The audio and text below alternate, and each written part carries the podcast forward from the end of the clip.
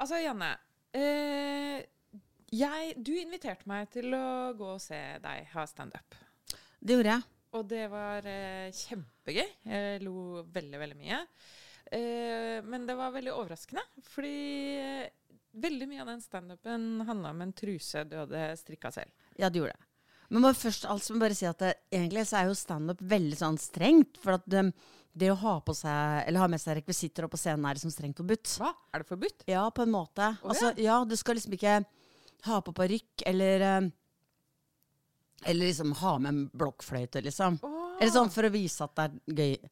Å ja, Eller nettopp, gitar. Så du brøt en veldig sånn grunnleggende regel, da? Det er sant, det er standup. Du skal liksom Ah, ok. Men jeg ja. lo, alle lo ekstremt mye av den trusa. Men det hvordan fikk du den ideen, da? Og det er jo til og med å bryte en Jeg visste ikke det. Og du brøt en veldig viktig regel. Ja, Men- og, og det er sånn at jeg føler at derfor er det nesten gjeldstikk ikke at det var gøy, fordi at det...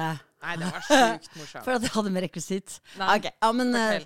jeg gjorde det. Hvordan fikk du den ideen, da? Jo, nå skal Hvordan dere. får du sånne ideer?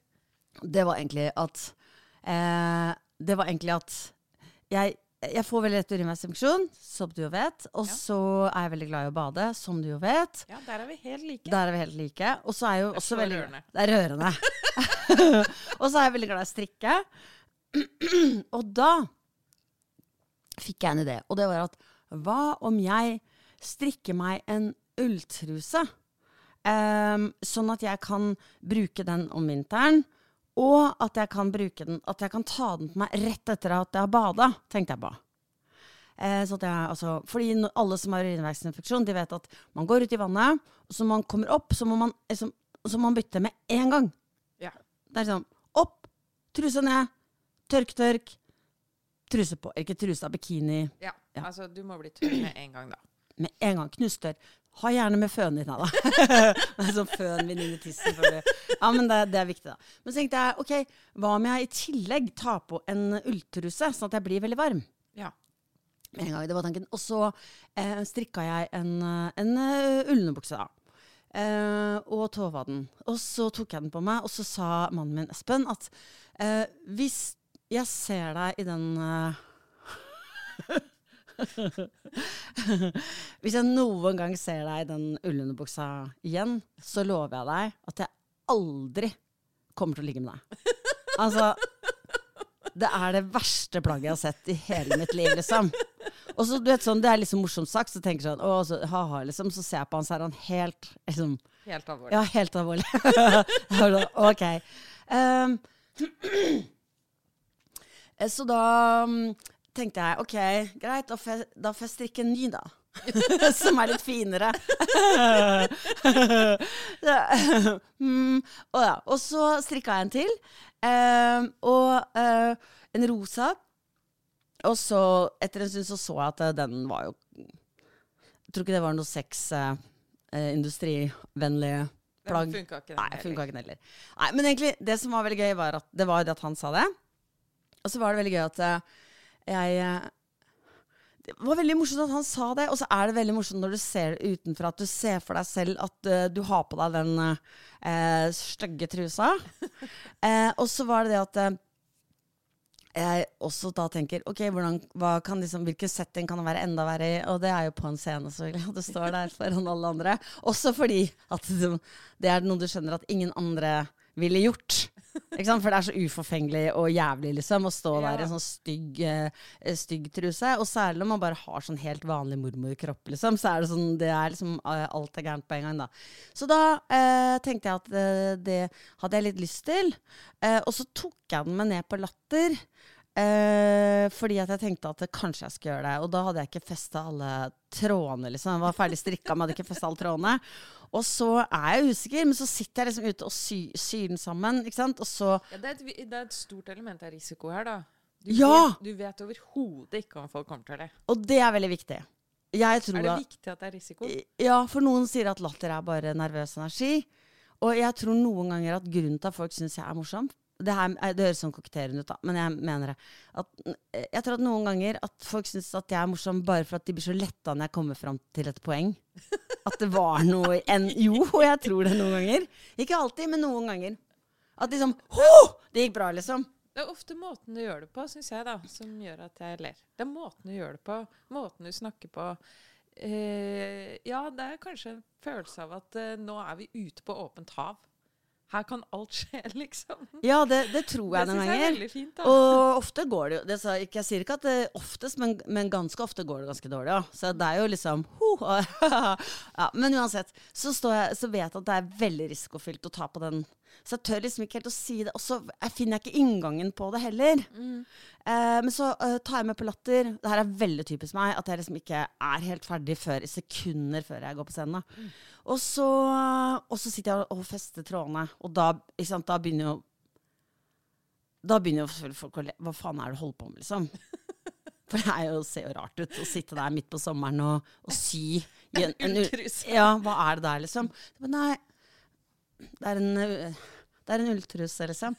Og så, eh, og så um, sier sjefen min som er der, eller sjefen for uh, Stand Up Norge, Elina Kranz, er der, og så sier hun sånn Den skal du ha på deg på scenen.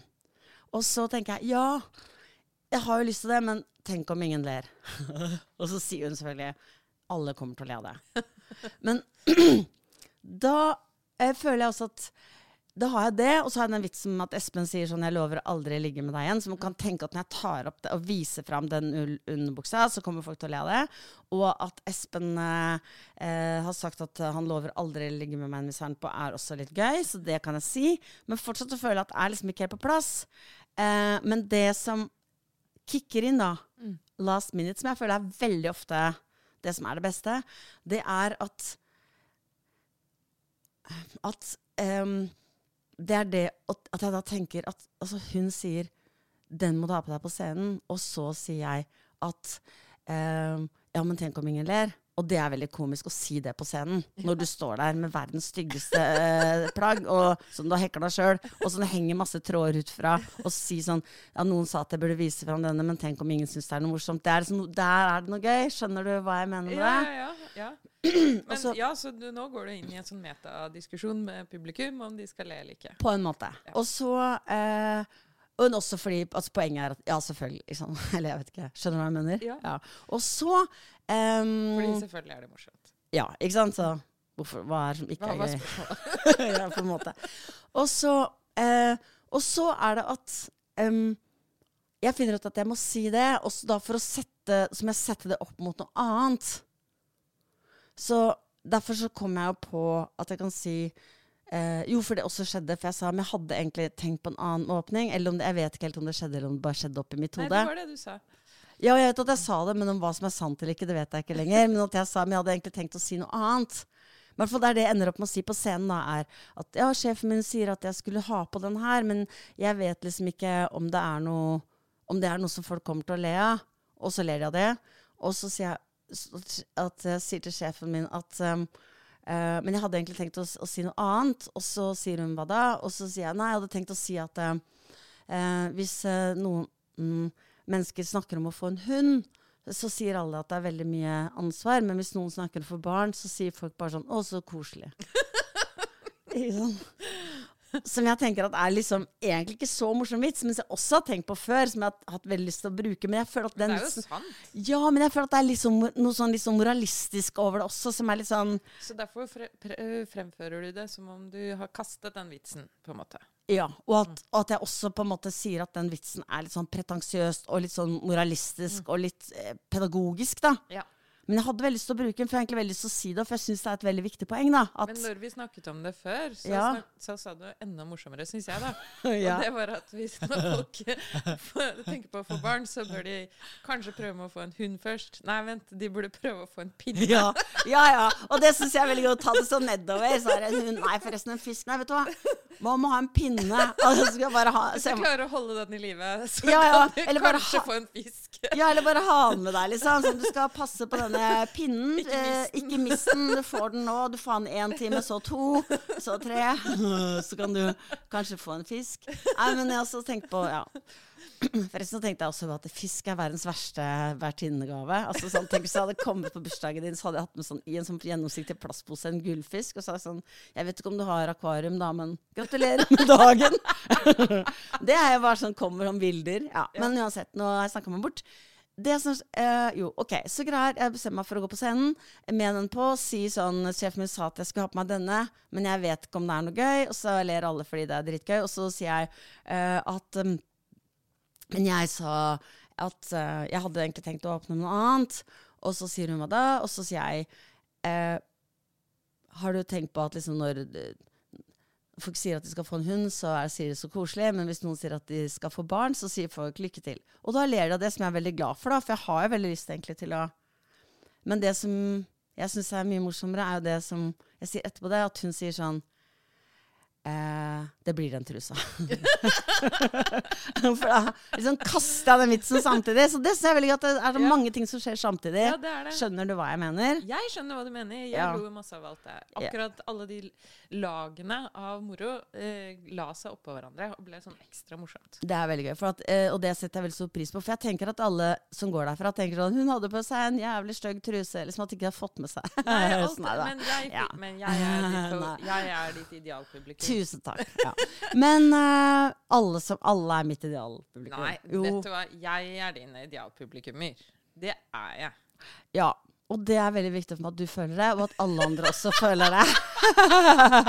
Akkurat som når man er lærer, Men så vil de andre er det feil. Ja, det er det. Alle vil føle seg eksklusive, ikke sant? men folk vil det. Altså, sånn, jeg føler at du skrev den boka til meg som jeg Ja. skrev til Erlend en gang. Han bare sånn alle mennesker leser ulike ting i bøker og sånn. Jeg bare Men min tolkning var jo best! Men jeg vil Ja. bare si noe. Jo, ja, men jeg skal bare si til slutt at så Så var det noe annet som var veldig gøy, og det var at jeg hadde jo ikke sydd den inn igjen foran. Nei. For jeg ikke, var ikke ferdig å montere den, så jeg kunne stikke hånda inn i, inn i den, og så ut. Og så kunne jeg, for jeg, da kunne jeg si Skrittet. Ja, i skrittet. Så at jeg kunne si det først da, med sånn bla, bla, bla. Hun ville at jeg skulle si det, men jeg tenkte heller sånn. Og så kunne jeg si at jeg hadde vist den til Espen, som hadde sagt at hvis du ikke Hvis du har på deg den en gang til, så lover jeg at jeg aldri eh, kommer til å ligge med meg. Men at jeg da kunne vise at jeg kunne stikke hånda ned i den ulltrusa og ut gjennom eh, der hvor tissen er, og liksom si Og så dra fram hånda mi og så si sånn Kom til mamma. Som er veldig teit. men det er jo veldig gøy. Men det er jo veldig barnslig, og nesten egentlig litt sånn under min verdighet. Fordi det er så teit, liksom. Det var veldig lang forklaring på en vits, men ja. Nei, det var fint. Fordi det var mange ting her som kom i spill. Jeg skal bare, nå skal jeg være sånn akademisk Ja. kjedelig. ja. Du er sånn morsom, jeg sier sånne kjedelige ting. Jeg føler jeg var veldig akademisk nå, egentlig. Men ja, greit, ja. Nei, jeg skulle bare si et eller annet om at eh, mange av de tingene du beskriver her, er jo sånn jeg oppdaget når jeg snakket med mange kreative folk. da, til Mm. sånn 50 forskjellige kreative folk i veldig mange kreative yrker. Til den boka Kreativitet så oppdaget jeg hvordan alle har veldig forskjellig metode. Det fins liksom ikke én metode. Men noen av de tingene du beskriver, er sånn litt typisk, eller egentlig litt sånn som jeg jobber også. Sånn derre um, Under press, da. Under, det, alt faller liksom sammen helt på slutten. Mm. meg. Med bøker, bøker tar jo mye lengre tid enn en vits, men det er jo fortsatt den derre at du, når du nærmer seg helt slutten, så bare å, po, po, po, Så faller alle bitene på plass. Og bygger hverandre opp, sånn som du beskriver den Ja. vitsen. da. Jeg må bare le, for at faren min sa en gang at han At han var sånn som bare fikk At han, han er prest, eller pastor, da. Eh, og sa at han gikk sånn rundt, og bare helt, helt, helt på slutten så, så klarte han liksom å skrive det han skulle si, da, når han skulle holde preken. Uh, og så sa jeg å ja, akkurat sånn er jeg også. Og så sa han kan ikke jeg få ha noen ting for meg sjøl? så er verdens vanligste ting er at man får gjort det i- på Ja, slutten. ja, ja. Så er det sånn eh, hva, liksom? Det som Ja. er interessant med det, er at Ja. det, det, det skjer noe rart, da. Altså, det, det jeg oppdaget når jeg skrev den boka, er hvor viktig det er å ikke stresse når man skal få gode ideer. Rare, gode ideer. Fordi stress har veldig med effektivitet å gjøre. At du vil veldig fort fra A til B. Så er du sånn strengt på Nei, nei, men jeg syns tankefullt ut i lufta, Ja, som jeg skjønner at det er veldig avvisende, men det er bare Ja, fortell videre. Unnskyld. Ok, Nei, ja. um, men Stress er, er dårlig når du skal få ideer. Ja, hvis du er veldig stressa, så blir du veldig sånn opptatt av å komme fortest i mål. Eh, Du tør ikke å ta noen sjanser. Du går ikke et rart sted, da. Ikke sant? Eh, Nei. Stress har med å komme seg raskt ut av en eh, situasjon å gjøre. Ja. Så derfor så tror jeg jo ikke på eh, for mye stress i skolen, f.eks. For eksempel, fordi stresset gjør at eh, de barna klarer ikke å tenke alle de rare tankene de skal tenke i løpet av et liv, da. Nei, det er sant. Jeg husker sånn diktat, eksempel, er jo forferdelig når læreren sier at du skal skrive Da jeg var, eh, Ja. gikk på barneskolen, du skal skrive dette ordet, og så er det sånn Jeg kommer ikke til å klare å skrive det ordet, herregud, jeg kommer ikke til å klare det, og eh, nå fikk jeg ikke skrevet det. Michelle Obama beskriver det også i sin selvbiografi. Um, eh, become, 'Becoming', heter den vel. Becoming, ja. Eh, eh, hun, skri, eh, hun var jo, du vet, ekstremt super. Og så blir hun bedt om å reise seg og stave ordet 'hvit', og så klarer hun det ikke. Ennå hun kan det, selvfølgelig. Og det er hennes eksempel på hvordan prøve Altså det testsystemet i skolen bare knuser barn, da. Absolutt. Det er en god måte å knuse barn på, fordi veldig mange kan jo ting, men de kan det bare ikke under den type press, da. Men uansett, det, det som skjer, og du, som du beskriver så godt, da, at alt liksom kommer sammen helt på slutten, det er et paradoks, fordi du er jo stressa, liksom. Ja, det var derfor er- jeg så sånn tankfullt rundt i lufta Ja, når du snakka, for det er jo stressa. Ja. Du er stressa, du har en deadline, du skal i mål med noe veldig fort, da, og du sitter på latter og fester i trådene. Og sånn er det for meg også. Jeg, helt til slutten så klarer jeg allikevel å gjøre noen sånne rare vrier med teksten min, da, som gjør at eh, Oi, der satt det virkelig.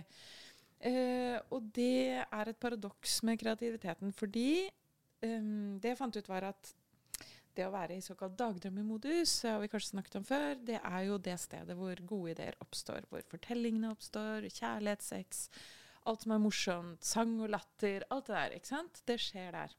Det er viktig å nevne av og til, da, eller ofte, fordi at man glemmer jo den tiden. Det er den man har valgt bort, så det er veldig viktig å tenke på det. At det kan vi kanskje ikke nevne ofte nok. Nei, man må sette ja. av tid til å Så når noen spør de lommene, da. ja, hvor tar du det fra, når folk spør om det, så tenker jeg ja, det hender at jeg ikke gjør en dritt. Ja. Der tar jeg det fra. Det er der du tar Det det fra. du tar det fra. Ja. For meg òg. Jeg bruker Jeg setter jo av tid i timeplanen min til å gå en tur eller gjøre yoga eller gjøre ingenting spesielt. Det er en del av jobben min som forfatter. Har vi plass til en ørliten digresjon på Ja. digresjonen? Bare, jo, eh, det er en tomt i Oslo nå, en ganske stor tomt, som em, de skal bygge noen blokker på, noen høye blokker på. Og folk i nabolaget har sagt "Mm, så her kan vi bygge park isteden. Og så svarer Oslo kommunes eh, politikere at men det var jo ingenting der fra før. Var det ingenting? Det var jo ikke ingenting der. Det var en stor, åpen plass. Det var et luftig sted. Ja, altså et, hva, Nesten burde man sette av eh, i alle byer et stort, store åpne plasser med ingenting på, sånn at folk kan gå dit og dikte inn sine egne bygninger. Ja. Veldig godt poeng, da. Takk. Men uh, vær så god, Nei. f fortsett din Nei, egen podkast. bare- Ja. nei. Ja, nei. Nei, da, nei, nei, også- nei, nei. Jeg ble veldig opptatt av nettopp dette at um? Det, viktigste, det viktigste stedet å være er i denne dagdrømmemodusen i hjernen. Det er det motsatte å være veldig konsentrert, til stede, målrettet. Eh? Eh, effektiv. Alt det skjer i et annet system i hjernen som heter eksekutivfunksjonen. Eller som forskerne har kalt eksekutivfunksjonen. Hvor det er sånn eh, hvor du er til stede i verden, løser oppgaver, eh, svarer på eksamen, eh, lærer ting osv. Og gjør ting i riktig rekkefølge. Ja, Først setter du deg på sykkelen, så ja. kan du tråkke. Ikke omvendt. ikke sant. Ja. Men eh, Så jeg ble sånn veldig fascinert av det paradokset her. Mm. Eh, akkurat det du beskriver der, i den vitsetilblivelsen der. Og så fant jeg ut at det er en sånn rar ting som skjer når du er i det som heter flyt, da. Eller det som er selve det kreative arbeidet når du er Hvis du er en rutinert Det er jo du. Rutinert komiker. eh, Rutinert forfatter. Jeg er det. Eh, Når man er, kan det man driver med ganske godt, da, så er man veldig flink til å improvisere. Men man gjør det samtidig som man er i eksekutivfunksjonen. Så er man innen denne dagdrømmemodusen hele tiden og går sideveier og henter inn ideer. Så man er både litt stressa og målrettet, samtidig som man tåler å gå alle disse sideveiene. Det er egentlig det vi gjør nå når vi sitter nå. Nå jazzer vi, liksom. Du og jeg eh, jazzer jo litt sammen. Særlig jeg. jazzer jo, jeg jazzer jo mer enn deg, for jeg har dårligere eksekutivfunksjon. Det har jeg jo, det er det ikke noe tvil om. Men jeg er desto flinkere til å ta omveier. Jeg syns du har ganske god eksekutivfunksjon, ass. Det må jeg si. Ja, det er ikke det det står i papirene mine fra Lovisenberg eh, psykiatrisk, men greit. Hva vet de? Hva vet de om min hjerne? Nei da. Men, jeg- men jeg er veldig god på sidevær, da. det må det være lov å si. Så jeg trenger jo egentlig folk som har gode eh, eksekutive egenskaper, da. Mm. Men ja, samme det. Ja. Ja, så um, Det som er fint, da, når man er i det som heter flyt, da er man både i eksekutivfunksjonen og i denne dagdrømmemodusen samtidig. Du er målrettet, litt stressa, men på en positiv måte. Så stress kan være en veldig positiv del av den kreative prosessen, da. Det var egentlig det jeg skulle frem til. Det, jeg tror det er det som skjer med deg helt på slutten her, når du bare kjører i land uh, hele den uh, fantastisk morsomme eh, vitsen din. Eh, vits oppå vits oppå vits. Oppå vits. Eh, så skjer Jeg nikker ting. sånn veldig sånn, Ja. du har rett. Det er nok det som skjer når jeg forteller denne veldig gode, veldig gjennomtenkt og kloke og metavitsen. Men ja, det er det jo faktisk. Ofte kan vi etterrasjonalisere, men du kjenner igjen den følelsen. Den Absolutt. Absolutt. alt bare faller på plass på en sånn magisk måte. Med en sånn retning Du er litt stressa, men på en god måte. Du føler det på en god måte. Du er ikke ute av vinduet. Du er ikke så stressa at du mister det, liksom. Du har en sånn, du har en sånn tydelig deadline. Fart. Absolutt. Ja. Men det som jeg tenker også er litt interessant, da, det er at på den ene Ja til alt du sier, og Mm. i tillegg, og som har noe, med, noe av det samme å gjøre, da, så er det at du både har eh, tid til å um, Du har tid til å fabulere og få, eller få ideer sånn ut av ingenting. Og, ehm, og da har du på en måte tid til å slappe av. Men at stress Men da har du også tid til å være kritisk. Mm. Så du må ikke ha for mye tid til å være kritisk. Nei, det er For da forkaster man hver eneste idé. Ja, så Stresset gjør også at du løper fra den indre kritikeren. Da. Det har jeg også funnet ut. Ja. Jeg løper utrolig mye. da. Det, det er derfor jeg skriver ganske mye. Hele Ja. tiden. Fordi jeg, prøver, jeg prokrastinerer meg ut av den indre kritikeren. Ja, det Ja. Hæ? Prokrastinerer ut? Ja, jeg prokrastinerer bort den indre Heter kritikeren. det prokastinere? Jeg tror det er Pro- Ja. Ja, Nei, prokast... heter det, ikke- jeg er pok... Nei, jeg glemte. Samme det. Ja. Prokastinere? Prokastrinere? Ja. Vi tar et stopp der, fordi du Kan du bare si Nei. Jo, jeg orker ikke å, ta, å ha med det. Jeg må klippe det bort. Nei, hvorfor? Men det er pro prokastinere Jo. Vi kan si det litt sånn fort, så ingen eh, hører Mm. om vi sier det feil. ok? det er sikkert riktig. Men bare ta kan, du, kan du bare si fra Jeg prøver å prokastinere meg ut av eh, den indre kritikeren. Det gjør jeg hele tiden.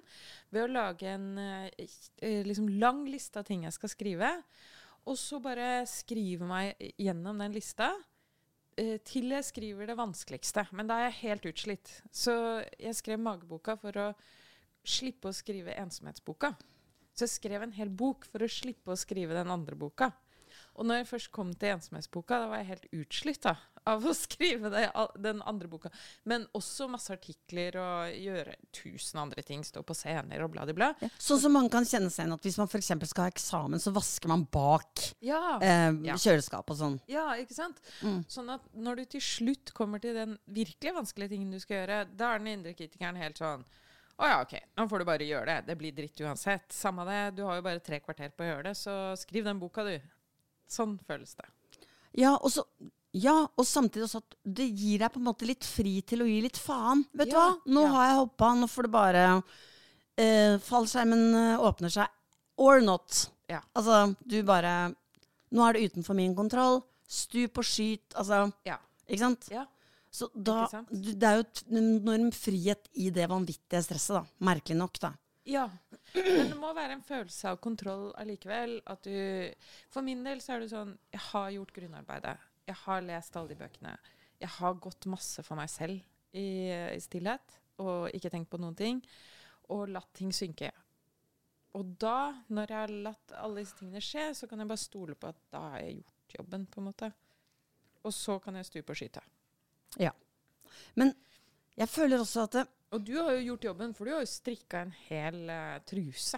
Ikke sant? Så du har jo gjort masse jobb. Det er Ja. ikke bare stup og skyt, fordi du har, sitter jo der med mange timers arbeid. Ja, men jeg, altså, ja, men jeg strikka den jo ikke for å ha den vitsen. Jeg strikka den, og så kom den vitsen opp, da. Jo, men likevel, jeg tenker at uh, noe av det som gjør at folk tar eh, ja, Nå kommer vi inn på noen viktige ting. Ja. Noe av det som gjør at folk tar et kreativt arbeid alvorlig, det er at du virkelig ofrer noe for det. At du går inn for det, at du bruker tid på det. Altså At Knausgård skriver seks bind om Min kamp, gjør at vi hører mer på han enn om han hadde skrevet 75 helt fantastiske sider. da. Eller hun eh, som bare maler prikker. Hva heter hun? Japanske kunstneren. Eh, beklager. Beklager sjæl. Eh, Hvis dere er veldig interessert, så kan dere google kan 'japaner'. Ja, kunstner Japaner, kunstner prikker. Ja, Hun Astrup Fearnley. Ja, ja, hun stilte ut på Henny Onsdag-senteret for noen år siden. Var det okay, Ja, mm, mm. ja. Men uh, uansett, hun bare maler prikker. Det er prikker, prikker, prikker. prikker. Til slutt må vi høre på henne. Det er, det er ikke mulig å ikke høre på en person som bare maler og maler og maler og maler prikker. Og at du har brukt mange timer på den trusa, det ser jo alle som sitter og ser på deg på, når du kommer på scenen. Det er også noe som bidrar til at, vi, at vitsen blir ekstra morsom, da. Fordi vi ser at det er mange timers arbeid. Vet du hva, det har du sikkert rett i, og det, uh, og det er jo uh, ikke noe Ja, da er det kanskje underforstått, da. Men det er jo også veldig morsomt f.eks. hvis man skal si at eh, Ja, jeg tenkte litt på at hvis jeg, hvis jeg lagde meg Hvis jeg hadde en ulltruse, eh, for, um, så kunne det vært veldig morsomt å ha den på på scenen. Men jeg er litt usikker, jeg er litt usikker på det, eh, så jeg bestemte meg for å strikke den for å vise den fram. Eh, og det tok eh, 900 timer. Og her er den. Da er det gøy. Ja, Fordi det er så fjernt at man har brukt så mye tid på det. Ja. Noe sånt. Men det er også noe som gjør at folk hører etter, tror jeg. Jeg vet ikke. Men samtidig så går dette inn Ja, jeg bare i tenker at det er liksom Ok, det er liksom motsatte, eller kanskje det samme som at eh, da de kom, da sånn ferdigproduktet kom, sånn to- Toro- Toro-poser kom, Mm. ish, så ville ikke folk ha det. Men da de begynte å skrive at man måtte smelte smør og ha oppi, eller ta opp et egg, da ville folk kjøpe det. Så folk må føle at det må være et minimum av egeninnsats for at det skal være godt, selv om det smaker helt likt. Så er det kanskje det motsatte også, at hvis man tenker at noen har lagt veldig mye tid og kjærlighet i det, så er det bedre Ja! enn hvis du har kjøpt det. Ja! Jeg kjøpte denne trusa, og Espen Ja. sa at han aldri ville Ja. Men så er det også noe komikk i strikking. Ja. At strikking, Det er noe sånn jævlig kjerringaktig over det, som er litt sånn komisk, fordi at man skal på en måte ikke vise det fram på en scene, for det har ikke noe på en scene å gjøre. Mm. For på en scene, I hvert fall ikke en standup-scene, kanskje på bunadmesse, men på en standup-scene, der har vi ikke strikketøy. Nei. Det også. Men ja, så det er også noe av det kreativitetens vesen. Da, at du, du tar forskjellige verdener og får dem til å krasje. Ja. Eh, og det er noe av det som gjør at jeg er ikke så redd for eh, kunstig intelligens, da, for AI. For AI gjør ikke sånne ting. AI får ikke verdener til å kollidere på helt overraskende måter. Eh, AI tar ikke Jo, av og til når de oversetter ting Hva var det du skrev til meg her om dagen? Sånn, da kan vi endelig møtes, og så ble det sånn Da kan vi Bergen møtes, eller ja. Nei, jeg skulle skrive at du var den morsomste i verden, faktisk. Og så ble det du var den morsomste i Bergen. Ja. Som var er veldig morsom, for det er jo ingen morsomme i Bergen. Nei da. Ah, det var autokorrekt, men ja, det viser jo på en måte Men det var, ja, det var en feil. Men det der med å, at for eksempel at jeg tar en barnebok som Alice in Wonderland og bruker den til å forstå kreativitetens vesen. Da. Det er ikke et veldig rar ting å gjøre, men det er fort, fortsatt å hente to verdener og kollidere de litt, da. Ikke sant? Ta en barnebok og, og bruke den i en voksen sakprosa-bok. Det er en liten kollisjon. Og det, Ja, det er det tror jeg nok at uh, kunstig intelligens vil ha veldig problemer med å gjøre. Nettopp det. Eller Prekk, da, som har skrevet en roman som er basert på et sjakkspill. Så hvert eneste kapittel representerer trekk i sjakkspillet. Det er en sånn bam! To verdener som ikke egentlig hører sammen, som blir brukt sammen, da. Ja, men det er også fordi altså det, eh, man sier nå at alle er på spekteret. Liksom vi, vi har alle autistiske trekk. Så føler jeg at det man har brukt et sjakkspill for å lage kapitler, det tikker veldig inn i vår indre autist. Og sammen med at man har brukt en barnebok Ja, ja. og tatt kapittel for kapittel og skrevet, eller element for element og skrevet en bok, det også Ja. tikker veldig sånn, sånn Yes, sjekk. Ja. Eh, Det er veldig deilig Ja. å krysse av. ja. Ja. Mm. absolutt det. Men um, hva er det jeg skulle si? Jo, det der med å um, kollidere verdener, ja, det er en veldig kreativ, god uh, sånn teknikk, da. Å gjøre noe overraskende, hente inn noe fra et helt annet sted og plassere det på et nytt sted. Det er jo hele moderne kunsten er jo basert på det. Et pissoar inni et kunstgalleri. Herregud, det er jo crazy. Det er jo et, et Det er ikke hele kunsthistorien, da, men det er kanskje Nei, det er det siste, moderne- liksom Modernismen da, Ja, ja, er ja. handler jo bare om det. At du plasserer et eller annet, eller Ja, snur det opp ned og Ja, det- tar noe fattig og stiller inn på noe ja, det Eller Josef noe som stilte ut uh, uh, ulver. Eh, han satt sammen med en ulv i, en, i et kunstgalleri. Ikke sant? Ja, ja, ja. Altså, du har virkelig snudd eh, situasjonene på hodet. Vet du hva, vi, vi tar mange situasjoner, og så Og så er det resten av podkasten. Nei, og så er det den som kommer på den siste, som har liksom vunnet. Neida. Jeg er altfor Yeah. konkurransedrevet. Nei, Jeg Ja, og. Nei, jeg bare jeg prøvde å Mm, ja, Jeg bare tuller. Jeg bare tuller. Ja. Sorry, ass. Ja, nei, det var det ene, det var det ene jeg ville si med det. Og så Ja. det andre, det med arbeid og sånn. Jo mer arbeid man har puttet i noe, jo mer må folk på en måte lytte til deg. da. Jo mer manisk du står i noe. Akkurat som de seks bindene til Knausgård. Han gir seg ikke på haremøkka. da. Det han, han skal gjennomføre. Det blir så mange tusen sider at du må nesten ta det på alvor. Men det interessante her er allikevel så er folk veldig lite villige til å betale for kunst. ja, men jeg må bare si én ting til før vi kommer dit. For Ja. at ok, det skal være mange timers arbeid, men samtidig så skal det um, Er det sant at folk Er det sant, kan vi stole helt på det du sier der? For jeg føler veldig at eh, det folk elsker høyest av alt, er at det ser ut som du ikke har lagt noe arbeid i det i det hele tatt. Ja, Fordi Ok. interessant. Ja, for at, ok, Nå tenker jeg vi må en detour innom det du skulle til å si. For at Ja. liksom, folk er ikke villige til å betale for kreativitet. Og så er det litt sånn, eller for ja, liksom sånn, Du skriver bøker. eh, du, jeg ser du har skrevet en del bøker. Kan du komme til oss eh, og skrive en bok om oss? Som for, det er vel gøy, det? Er ikke det gøy, da? Å skrive om spikverksted? liksom, det er, du får fem kroner. Ikke sant? Det er litt sånn gratis inngang. Men, at, jo, men samtidig tenker jeg at folk vil også at det skal være en lek. Ja, det er sant. Fordi jeg bare føler at det, når jeg står på scenen og improviserer, da kommer det jo fort. Da ser det jo ut som om det er noe jeg bare gjør. Det ligger jo mye arbeid bak en improvisasjon også, for du skal kunne det. Og du skal kunne den teksten du fremfører ut og inn for å kunne gå ut av den og så komme tilbake til den igjen. Men hvis jeg er ute på viddene, som jeg av og til er, helt, altså sånn, slipper teksten min og begynner å improvisere masse, da ler folk dobbelt, altså nei, ti ganger så mye, tror jeg nesten.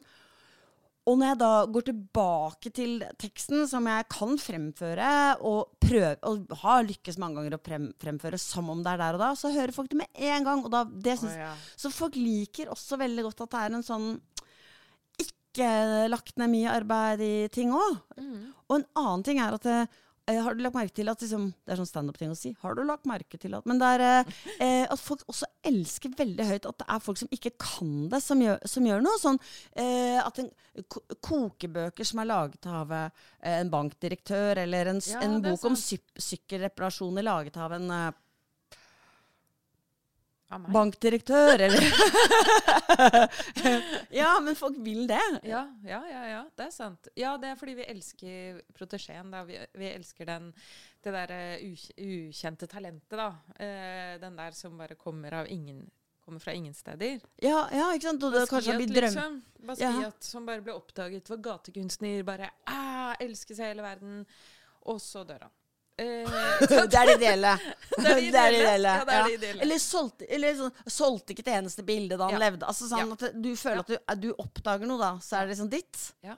Du var der. Det var bare tull, vet du. Og nå får ingen andre oppleve ingen det igjen. skjønte det. Ja. Men jeg skjønte det. Jeg skjønte det. Ja, ja, han der er for eh, Vincent. Ja. Han er Vincent. Det, Ja. Jeg så det med en gang. Jeg så det med en gang. Men også at man opplever noe som er bare der og da. Mm. Ja, det er nok det. Man tenker man var med på noe helt spesielt. Ja, det er mange ting som er paradoksalt med eh, kreativitet, da. Det- jeg oppdaget, var at eh, ideen om det ulykkelige kreative geni, som ofte er mann, da, eh, plaget av depresjoner, som drikker og ruser seg veldig mye, som er så genial at han tipper, Mm. som mange tror, da. Som mange tror han er så smart, vet du. At, Han er så smart at da tippa for han. Ja, jeg hadde en sånn gammel tante som alle sa at jeg hadde tippa for fordi hun var så smart. Og jeg bare sånn, ja, det, og da etterpå så tenkte jeg sånn Var hun smart, egentlig? Eller var det bare Eller var hun bare gæren? Dette er bare tull, altså. Ja, ok, ja, okay. da var det bare tull, da. Ja, Ja. det mm. var bare tull. Okay. Eh, fordi det er, ikke, det er ikke det som det tipper. Det er jo bare helt idiotisk, bare det. Men du kan ikke være så genial at du blir gal. Den myten kommer fra eh, en del kreative folk på 1800-tallet som um, Det tippa ikke for dem. De bare var veldig dårlige til å holde penis på rett sted. Det var mye syfilis. Det var syfilis. Så uh, du, hvis du levde litt sånn utsvevende liv, da, eh, og gikk mye til prostituerte, som dessverre fikk mye syfilis på den tiden, så var det ikke så vanlig at eh, du ble smitta av syfilis. Og det gjelder bl.a. Nietzsche, som var genial. Det er det mange som mener. Um, Nietzsche tippa ikke, han bare fikk syfilis. Og den, han fikk den tredje varianten av syfilis som går til hjernen. Så da ble han jo da gal, da. Men, Men det det var etterpå. Ja, Det var ikke fordi han var så genial at han, eh, at han såkalt tippa. Og det der med Det er så lett å overhøre, for jeg tenker ofte sånn Når kommer jeg til å tippe, liksom? For jeg er et geni. Jeg har Men- det samme problemet. Jeg har vært veldig redd for det, men jeg heldigvis fant jeg ut dette. Så nå kan vi bare slappe av begge to. Eh, Jeg kan slappe av. Du er klin kokos. Du, du, er helt gæren. Du er hard tippa. Du bare vet ikke om det selv. Ikke Nei. tull med meg! Nei, du må ikke tulle med deg. Nei. Aldri tull med meg. Nei, det lærte jeg da vi var på sånn eh, øytur, og jeg sa sånn Jeg er ikke en seriemorder, og du liksom bare var helt livredd resten av turen. Det var en veldig god forestillingsevne. Herregud. Ja, Det var ikke beroligende når du sa sånn Nei da, jeg skal ikke drepe deg. Sånn Hilde, du trenger ikke å være redd. Det går bra. Hvis det er så Jævlig skummelt! Hvis jeg hadde vært en seriemorder, så hadde du oppdaget det for lenge siden. det var veldig gøy. Ja, Hvis jeg var- hadde tenkt å drepe deg før eh, vi la oss, hvorfor uh, ba jeg deg da om å ta med sengetøy? Sier du at jeg er en irrasjonell seriemorder? det er så gøy at du blir så redd, liksom. Jeg, nå tror jeg at jeg er veldig flink. Alle som hører på, er sånn Å, du er ikke noe flink til å skremme. Jeg blir ikke noe redd. Det er noe annet når man er i skogen, skal Ja, jeg si ja, det. det er sant, det. Du må se for deg at du er i en skog, og at noen sier sånn 'Jeg er ikke en seriemorder'. Da, kanskje. Da er det veldig skummelt. Da er det veldig skummelt. Hvis Men, du har god okay. fantasi. Ja. Hvor var det jeg skulle Jo, det der med kreativiteten. Alt det som er feil med forestillinger om kreativitet. Man blir ikke kreativ av å være deprimert. Alt blir bare mørkt. Du får ikke noe blikk for morsomme ting, gøye ting, rare ting. Du ser ikke farger. Alt blir grått, kjedelig. Eh, fremtiden ser ut som en mørk tunnel av ingenting. Det er depresjonen. Så depresjonen er ikke kreativ. Eh, men noen eh, kreative folk har ofte hatt eh, depresjon. Faktisk er det sånn at bipolaritet er veldig høyt representert blant kunstnere. Så eh, hvis, du, hvis du er poet, så er sjansen 40 ganger større for at du er bipolar, enn hvis, eh, hvis du er i normalbefolkningen. Har bipolar, ikke er. Har bipolar. Unnskyld. Nei, det går bra. Jeg bare prøver å være Nei, nøye på det. Ja, men jeg er helt enig. Man skal være nøye på det, fordi du er ikke bipolar. Du har bipolaritet. Ja. Ikke sant? Det, er en, eh, det er en sykdom som ligger utenpå deg. på en måte. Det er ikke hvem du er. Ja, kanskje ikke ja. en sykdom heller, men Nei da. Unnskyld. Vi går videre. Ja. Uansett. Eh, uansett derfor så ser man ofte at eh, depresjon opptrer eh, hos kunstnere, men det betyr ikke at det er det som er kilden til det kreative arbeidet. Snarere tvert imot. Det er et hinder. Man produserer ingenting når man er deprimert, som regel. Og så det siste uh, Nei, de røde. Rus. Ja, rus. Jeg undersøkt rus. Det går ikke så bra. Eh, hjernen går fort til svart hvis du, du Hjernen funker veldig dårlig hvis du drikker mye eller bruker mye dop, så funker ikke hjernen veldig bra. Snarere tvert imot. og så, om man skal være mann eller kvinne, det har ingen betydning. Hjernen er en kreativ maskin. Vi holder på å løse problemer, lage problemer, få ideer, visjoner, innfall og tanker hele tiden. Det er menneskehetens natur. Det har ingenting med kjønn å gjøre. Men når det er sagt, så er det ganske vanlig at folk som eh, skriver bøker, vel, lager vakker kunst, er veldig morsomme, um, har lange depressive perioder. Ja, som sagt så er det ofte et sammenfall mellom Altså det er den eneste psykiske sykdommen som er det er regnet som en psykisk sykdom, som er Ja. veldig dominerende blant kunstnere, er akkurat uh, bipolaritet, da. Fordi, jeg må bare si, for at eh, jeg har eh, en venninne som har bipolar, og jeg har ADHD. Og så er det veldig gøy, for at hun ofte sier sånn eh, Ramser opp kjente genier da, som har eh, bipolar. Eh, og de er alltid også på lista med ADHD. Det er derfor jeg syns det er gøy. For at det er alltid sånn Albert Einstein, bipolar. ADHD! Altså, det er alltid Men eh, det, det er jo to diagnoser som er bror og søster, de, de går veldig over i hverandre. Mm. Ja, nei, Det er interessant, fordi eh, jeg fant jo også ut at ADHD og det å være veldig åpen for ideer, det henger nøye sammen, da. Fordi du har jo problemer med eksekutivfunksjonen. Eksekutivfunksjonen er jo det som gjør oss veldig effektive, målrettet. Det er veldig gøy, for det sa du helt i starten av den podkasten her, så nå Ja. virker det som du Å nei, du bare tar det opp igjen! Jeg bare tar det opp igjen. Å, unnskyld, unnskyld. Jeg tenkte at du hadde glemt det, liksom. Nei, jeg hadde ikke Ja. glemt det. Å, jeg bare henter opp Å sånn, ja. sånn at eh, den som hører på, kan lære det. Å ja, selvfølgelig. en av, en av tingene som gjør at vi lærer ting, er repetisjon. Så nå bare repeterer jeg. Ok. Men, eh, så det betyr jo at du eh, har jo en, å, et åpnere hode, da. Janne. Ja. Du Ja, lukker ikke deg selv eh, Du lukker ikke for ideer så fort. Samtidig som det er masse forstyrrelser. Ja. Nei, Men forstyrrelser kan være bra. Men jeg, ja? Men jeg bare også synes at det er så interessant med fysisk og psykisk. For det er jo på en måte jo eh, ja, for at, ting er diagnose, og at det er psykisk, at ADHD er definert som psykisk lidelse. For tenk, det er jo fysisk. Det er jo elektroner i hjernen. Altså, det er ja, ikke ja, det er det. Det er ikke noe som oppstår i et uh, mørkt sinn, eller fordi man får mye juling. Selv om Nei. mye juling kan gi uh, posttraumatisk stressyndrom som ligner på ADHD, så er det jo ikke ja. Ja, Hva er, er fysisk, og hva er psykisk? Nei, dette er, eh, det er fysisk, og vi snakket jo om det tidligere. Skillet på kropp og sjel er jo et latterlig skille, egentlig. Vi, Ja. Vi er, hjernen er en del av kroppen. Mm. ikke sant? Den, eh, det, er, det er en fysisk ting. Det er ikke mystisk. Men det kan godt regnes som en lidelse. Hvis eh, folk vil det, holdt jeg på å si. Hvis, men jeg tenker jo også at det er uh, ut, ja, Det blir jo veldig sånn Nei, det er uansett sant, da. At uten folk som hadde, hadde uh, stor vilje til risiko, f.eks., som ADHD, folk med ADHD ofte har, Mm.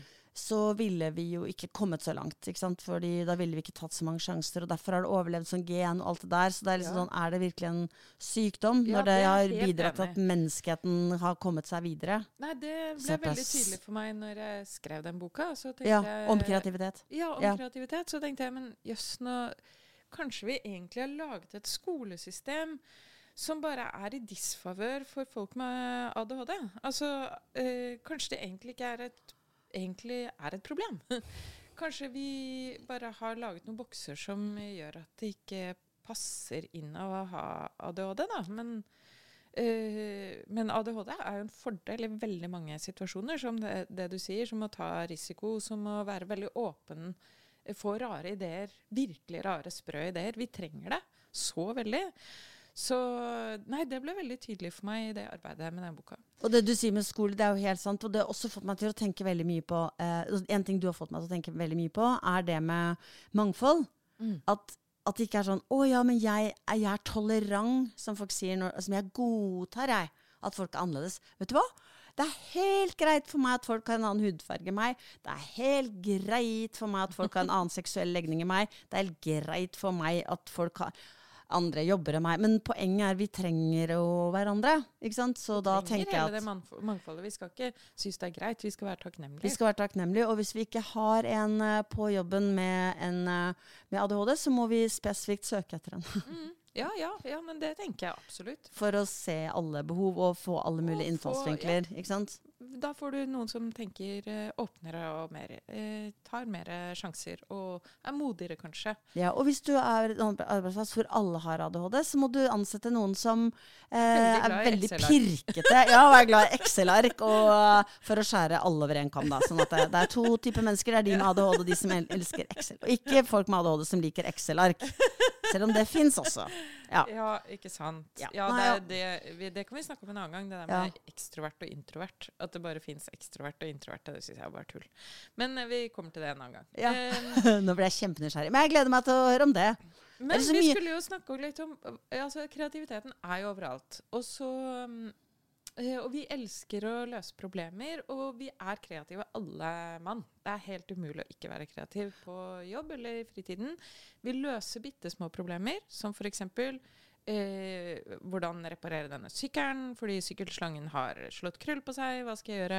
Da løser du et problem. Eller du er postbud, og du må bare finne en postkasse som du ikke finner. Hva gjør du da med det brevet? Og så videre, og så videre. Som regel bare kaster de det, selvfølgelig. Men det er en kreativ løsning, det òg. Eller man finner opp e-mail.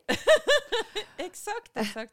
Altså, det fins eh, kreativitet overalt. Men de som jobber i kreative yrker, de ofte, opplever ofte at de ikke skal få betalt for det de gjør. F.eks.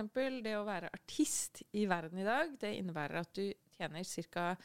fem øre på musikken din, med mindre du er en verdensstjerne, og da tjener du noen millioner eh, på avspilling på Spotify. Fordi plutselig skal ikke folk betale for musikken.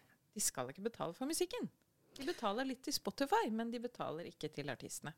Eller sånn som meg, eller deg. Altså stå på en scene. Det er nesten noe vi uh, burde være takknemlige for å få gjøre, og gjøre gratis.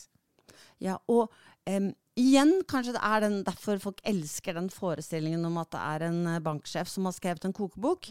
Fordi det skal, kreativitet har vi bestemt at det skal være bare noe gøy. En hobby, En da. hobby, faktisk. På Ja. ekte en hobby. Men det, og at det skal være så viktig for oss. Det er så Ja. viktig liksom, uh, liksom, Endelig ja, får man uttrykke seg. Er det Hilde Østby? Ja. Ja.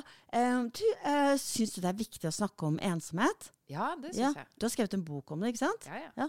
Du, eh, vi vil gjerne gi deg en mulighet her vi, til at du kan komme og snakke eh, For det er faktisk 200 mennesker som har satt seg villige til å komme og høre på at du vil snakke om ensomhet. Så vi har satt deg litt tid til det, vi. Mm, så koselig. Ja, veldig koselig. Ehm, ha det, da.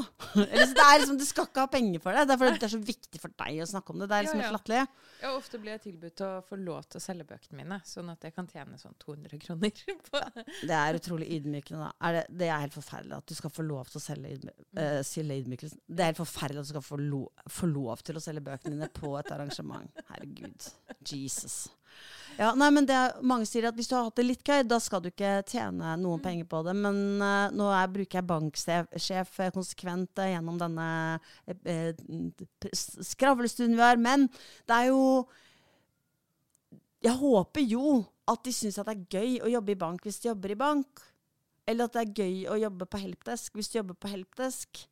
Altså jeg håper, Og hvis ikke de gjør det, så er jo ikke det mitt problem. Holdt jeg på å si. Nei, nei. At du har valgt et yrke du ikke liker. Sånn som toppsjefer. der Man sier at de fortjener eh, veldig høy lønn, fordi at eh, de eh, gjør så veldig viktig jobb. Men jeg tenker jo at ja, det er, alle jobber er viktige. og Hvorfor skal noen tjene 32 millioner i årslønn eh, hvis ikke de har det kjempe... Altså, da må jeg regne med at de også har det kjempegøy på jobben. Hvis du syns det er kjempegøy å lede, så trenger du ikke 32 millioner for å gjøre den jobben. Nei, Da trenger du egentlig ingenting. Nei, Da kan du kanskje få det jeg pleier å få, da.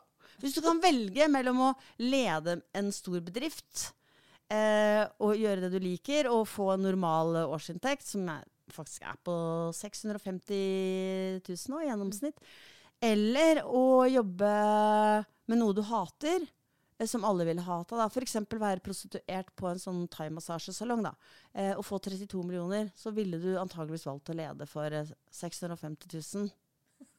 Det er veldig bra. Det er det som er valget. Ja, men altså, det er jo det man ofte sier. at det Velkommen til arbeidslivet. Ja, du så- må velge mellom disse to tingene. Jo, men det er ofte sånn ja, du er så flink, liksom. Ja, Han har vært flink og jobba Ja. hardt, derfor fortjener han 32 000. Ja. Men de som 32 virkelig millioner. 32 millioner. Mens de som virkelig jobber hardt og har det helt jævlig, de Mm. eh, skal liksom ikke tjene noen ting, for de har ikke vært flinke, de da, eller? Ja, eller vaske bæsj, da. At Eller vaske bæsj. liksom. Det, det syns jeg, jeg man skal få noen millioner for å gjøre. ass. Ja, Jeg jeg syns ikke det er så ille å vaske bæsj, egentlig, for å være helt ærlig, for jeg har veldig dårlig luktesans. Det er sant. Jeg pleier alltid å tilby meg altså alle avføringsretta oppgaver. Fordi det Jeg føler mener at vi må snu hele Ja, det er en helt annen Mm. diskusjon, da. Eh, vi må, de som jobber med barn, må tjene millioner, og de som er ledere, får bare få 600 000, da. Alle kan få det samme. Nei da. Men poenget, poenget mitt er at kreativitet er ikke noe det er ikke noe du har øvd mindre på. Men det, poenget mitt var egentlig at folk liker bare å tenke at det er liksom nærmest en gave fra Gud. At Ja. det er ø, noe som bare kommer utenfra, og som virker gjennom deg. Ja. Derfor så skal og, Å, det er gøy, og hvorfor skal man få penger fra det gøy? Og det er Eh, kjempegøy, og det er jo en grunn til at man driver med det. For det er så innmari gøy å få det til å funke. Og det er en serie av aha-øyeblikk og innsikter, og at du får skrudd ting sammen sånn som du beskriver, osv. Eh, ikke forskning viser at da får du sånn dopaminrush. For hver gang du får noe til å falle på plass, da, så blir det et skikkelig dopaminrush av det. Så vi blir veldig lykkelige av å gjøre det, men det blir man helt sikkert av å sitte på regnskapsavdeling også. Jo, du Ja, får jo masse ja, ja, ja, ja. til å gå opp, da. Det er jo Ja. deilig, det. Det er sant, det hørtes ut som en vits, men det er, Nei, du det har var rett. ikke en vits. Ja, nei, nei, det er, Jeg var veldig god i matte, skjønner du, så Ja. jeg syns det var kjempegøy når alt falt på plass. liksom. Ja, det er jo det. Altså, jeg har jo eh, jeg har jo opplevd det noen ganger eh, når jeg har regna uten desimaltall. Det var veldig teknisk. 22 pluss 40 Jeg liker heller ikke at det blir sånn, så det er sånn 48 pluss 96, for da vet jeg at å nei, da må jeg sette sånn tall oppi den. Ja, det er bare sånn kjempevanskelig for meg, så, så da blir jeg ulykkelig. Men ja. Uff a meg. Men uh, it's funny because it's true. 138. Ja. Ja. Men Ja, men poenget var i hvert fall at eh, Hva var poenget med den episoden? At man, eh, Hvis du kjenner noen kreative, gi dem litt penger? Var det det vi skulle Nei da. Ja, det var det vi skulle frem til. Gi oss ordentlig betalt. Nei, det er bare interessant at folk eh, tenker det. De tenker det av flere grunner, tror jeg. Punkt én, at man eh, gjør noe morsomt. Man gjør hobbyen sin. Punkt to, at jeg, og det tror jeg virkelig på alvor, vi lever i en protestantisk kultur. Hele protestantismen gikk ut på Det starta på 1500-tallet med Martin Luther, da, som gjorde et opprør mot kirken. Han mente kirken var grådig og eh, pyntesyk, og sant, den katolske kirken Det er jo bare å gå inn i en katolsk kirke i dag, så ser du sant, Det er gull og lapis lazuli i en kirke i Roma. Husker ikke hvilken nå, så er verdens største klump av lapis lazuli er i, i den kirken. Eh, som en del av dekorasjonen. Fordi den katolske kirken bare stjal den liksom fra en gruve i Afghanistan. Eh, sånn, sånn har den katolske kirken vært. Ja. Men eh, jeg bare tenker sånn, er det fair å si at, um, at Martin eh, Luther viste til at, uh, at det var overforbruk, eller, eller skal, vi, skal vi nøye oss med å si at han mente det? nei, nei, jeg bare tuller. Okay. Nei, unnskyld. unnskyld. Ja. Uh, uansett. Uh, veldig mye av den protestantiske læren går ut på å skrelle bort det, både katolske pynten, den katolske byråkratiet, og Martin Luther sier solo scriptura, eh, skriften alene. Eh, du skulle ikke trenge å gå via et presteskap for å få kontakt med Gud. da. Ikke sant? Så derfor så er kirkene mye mer skrella, og det er en, eh, en slags forakt da, for det som var katolsk pynt. da. Og det er liksom utenpå. Men også fordi det var dekadanse og Ja. utnyttet Ja. eh, For hvis det bare hadde vært bra for oss For det er jo fint for oss å se på vakre ting. Men Ja. fordi det er så ekstremt dekadent, og fordi folk måtte skatte seg i hjel av det, så ble det protester på det. Ja. Så han Absolutt. fanget vel opp en strømning, eh, Martin Ja, ja, Luther ja, det var mange som var mot uh, denne delen ja. av uh, katolisismen. Men uansett, um, det er en generell holdning i den protestantiske delen av verden at eh, det kan være som pynt, da. At kunst, er litt, kunst og kreativitet er overfladisk. Det er litt ek ekstra, liksom. Ja, det er, litt, Ja. det er sukker på grøten. Ja, Mm. ja, ikke sant? Og hvorfor skal vi betale for det egentlig? Og, de som, og i tillegg så er det et element av at svært mange kunstnere på 1800-tallet hadde mm, mesener, eh, altså folk som betalte for dem. Sånn som Goethe, som eh, hadde mesen, da. Ikke sant? Noen, en veldig rik person betalte for at Goethe skulle ha det bra.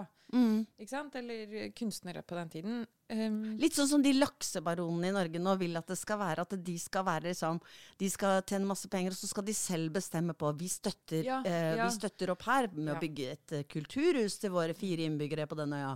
Eksakt. Og det er det som er med sånne charities, da. Eh, nei. Eh, det, er det er det som gjelder sånne charities i USA. Det er derfor jeg er så veldig kritisk til det. De, man føler seg veldig snill da, når man har en sånn charity. Uh, særlig når det kommer til sykdommer, selvfølgelig, er det veldig problematisk. Fordi man da bestemmer seg for at denne sjeldne sykdommen den vil man gi uh, 30 milliarder til. Eh, mens man hopper bare bukk over brystkreft, for det er det ingen som syns er så sexy. Så da blir det ikke så mye penger til det. Vi, det er ikke meningen egentlig at eh, det skal være basert på enkeltpersoners eh, ønsker. Det samme med kunst, da. Hvis vi bare skal ha mecener, så blir det ikke, blir det ikke de kjedelige, rare tingene. Får ikke plass, da. Så vi kan ikke egentlig basere oss på det. Men uh, Ja, også fordi at vi tenker at det, kunst og kultur eh, Og da mener jeg det som er vakkert, det som er eh, musikk og, og, og visuelt og audielt som er vakkert, eller ting vi ler av, eller bøker vi kjenner oss igjen i, er ikke viktig. Fordi vi, oss, vi mener at vi egentlig klarer oss uten det. Mm. Eh, og det vi trenger, er et sted å bo. Og hvordan kan vi gjøre det billigst mulig? Jo, vi kan bare mure opp et eller annet i betong. Ja. Det var lurt. Men Ja. hvis du skal begynne å dekorere det utenpå, da, det er ikke viktig. Nei. Sånn f.eks. Y-blokka i Oslo sentrum, i det gamle regjeringskvartalet, som var et, et eh, sjeldent og vakkert bygg med Picasso-dekorasjoner på. Mm. Det er liksom ikke så viktig, for det som er viktig, er at det er plass til veldig veldig mange på akkurat de kvadratmeterne. Det er viktig. Mm. Og hva står man igjen med da? Da står man igjen med Benedorm i, i, i Spania, som er et helt jævlig sted med bare høyblokker. Eller uh, landsbygda i Kosovo. Ja. Noen steder. Noen Ja. steder. I, Ja, ja, ja. Ja. Nei, men Vi tar jo bort alt det beste i livet. og I tillegg så er det et eller annet med den der nyttetenkningen som gjør at, altså, at vi går glipp av alle de rare, morsomme, teite ideene som vi snakket om tidligere. Det med at du kan hente en idé fra et helt annet felt, og så plutselig så kan den skape noe nytt et helt annet sted. ikke sant? Kanskje noe jeg skriver da, i en bok som mange syns er unyttig. Kanskje noe jeg skriver i den boka plutselig kan revolusjonere regnskapsprogrammet.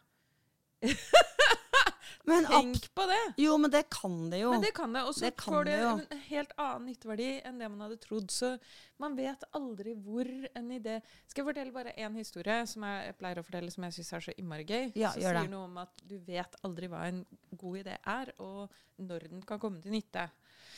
Dette er fortellingen om Edvard. Edvard var med i en diligensulykke, slo hodet sitt. Etter det så lærte han seg alt eh, av den nyeste te teknologien. Dette var på 1860-tallet, så han lærte seg eh, den nyeste teknologien da. Det var fotografi. Så han ble en skikkelig god fotograf. Og så eh, En dag møtte han en fyr som het Stanton. Og Stanton og vennene hans de hadde hatt en diskusjon gående om hester løfter alle beina av bakken når de galopperer eller ikke. Og Grunnen til at de snakket om dette, var egentlig at eh, Stanton eide en veddeløpsbane. Eh, Der den veddeløpsbanen var, står nå Stanton University. Så Stanton var kjemperik og, og er grunnleggeren av Stanton University. Men Stanton eh, og vennene hans hadde egentlig et nachspiel-problem, vil jeg si. Ja, de lurte på om Har den alle beina i været, eller, eller ikke. eller ikke? Ja. Og Edvard, som nå var eh, blitt en veldig god fotograf, han sa jeg skal løse problemet for dere. Altså et nachspiel-problem. Det virker ikke viktig å få løst dette problemet. Er du ikke enig? Det virker teit. Ikke hvis du er veldig nysgjerrig. Nei, men altså Kanskje hvis du er veterinær, så er det viktig, på en måte, men de var ikke veterinærer. Så det var sånn gutta, liksom. Ja, ja, men Ja. hvis du er veldig nysgjerrig, så er det jo det vikt, ok. eneste i verden du lurer på. Det Ja. er jo om du har rett eller ikke. Nettopp. Uansett. Eh, Men det er ikke, kanskje virker ikke viktig sånn samfunnsøkonomisk sett, så virker det kanskje ikke så viktig. Ut fra det, altså det som skjedde nå, får Mhm. enorme konsekvenser. ja. Men egentlig virker problemet veldig lite. Altså, det som skjedde var at Edvard eh, satte, opp ka eh, sette opp kameraer med veldig kort avstand mellom seg ja, ja. eh, langs veddeløpsbanen. Og så eh, med selvutløser, sånn at når hesten galopperte forbi, så utløste den kamer kameraene, og da fikk han eh, bilder bortetter langs hele veddeløpsbanen der hesten løp, så han fikk et bilde av alle delene av galoppen til hesten. Og så fremkalte han bildene, satte det på en skive, kjørte den skiven fort rundt og rundt. Året var 1872. Hva hadde vi fått? Fotografi? Nei. Et bevis på at eh, hesten Verdens første film.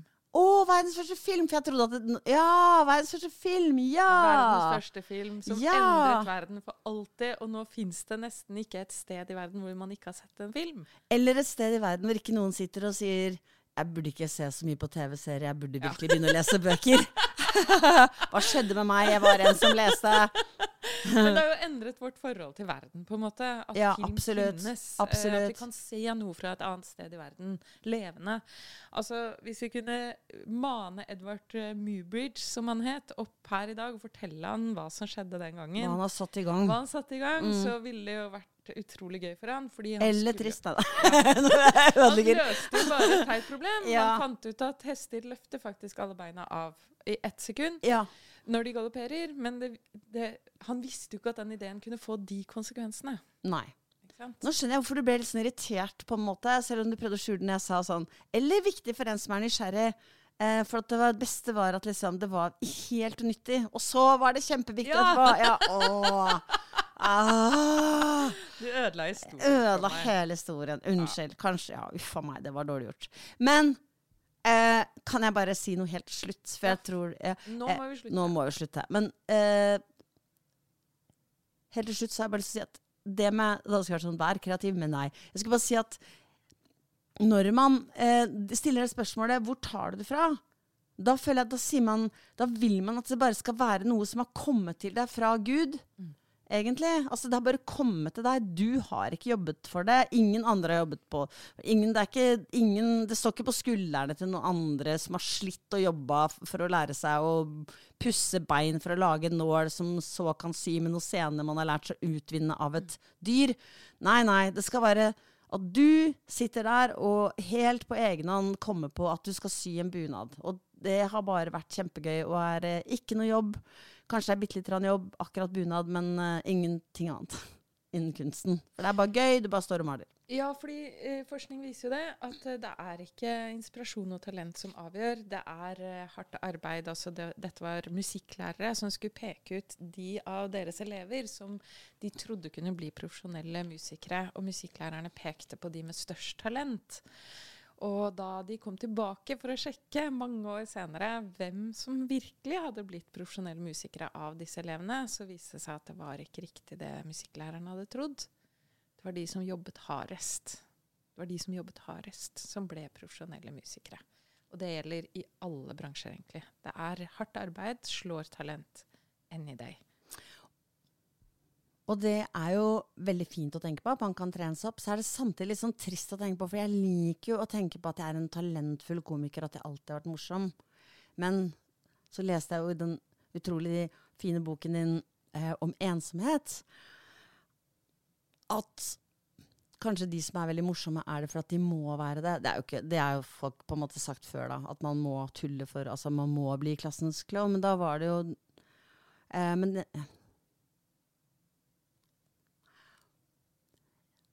Jeg har likt å tenke at jeg alltid er morsom, men eh, jeg har jo kanskje bare vært morsom for å overleve. Eller for, for å kompensere for andre ting. Ja. Og da har det også vært hardt arbeid.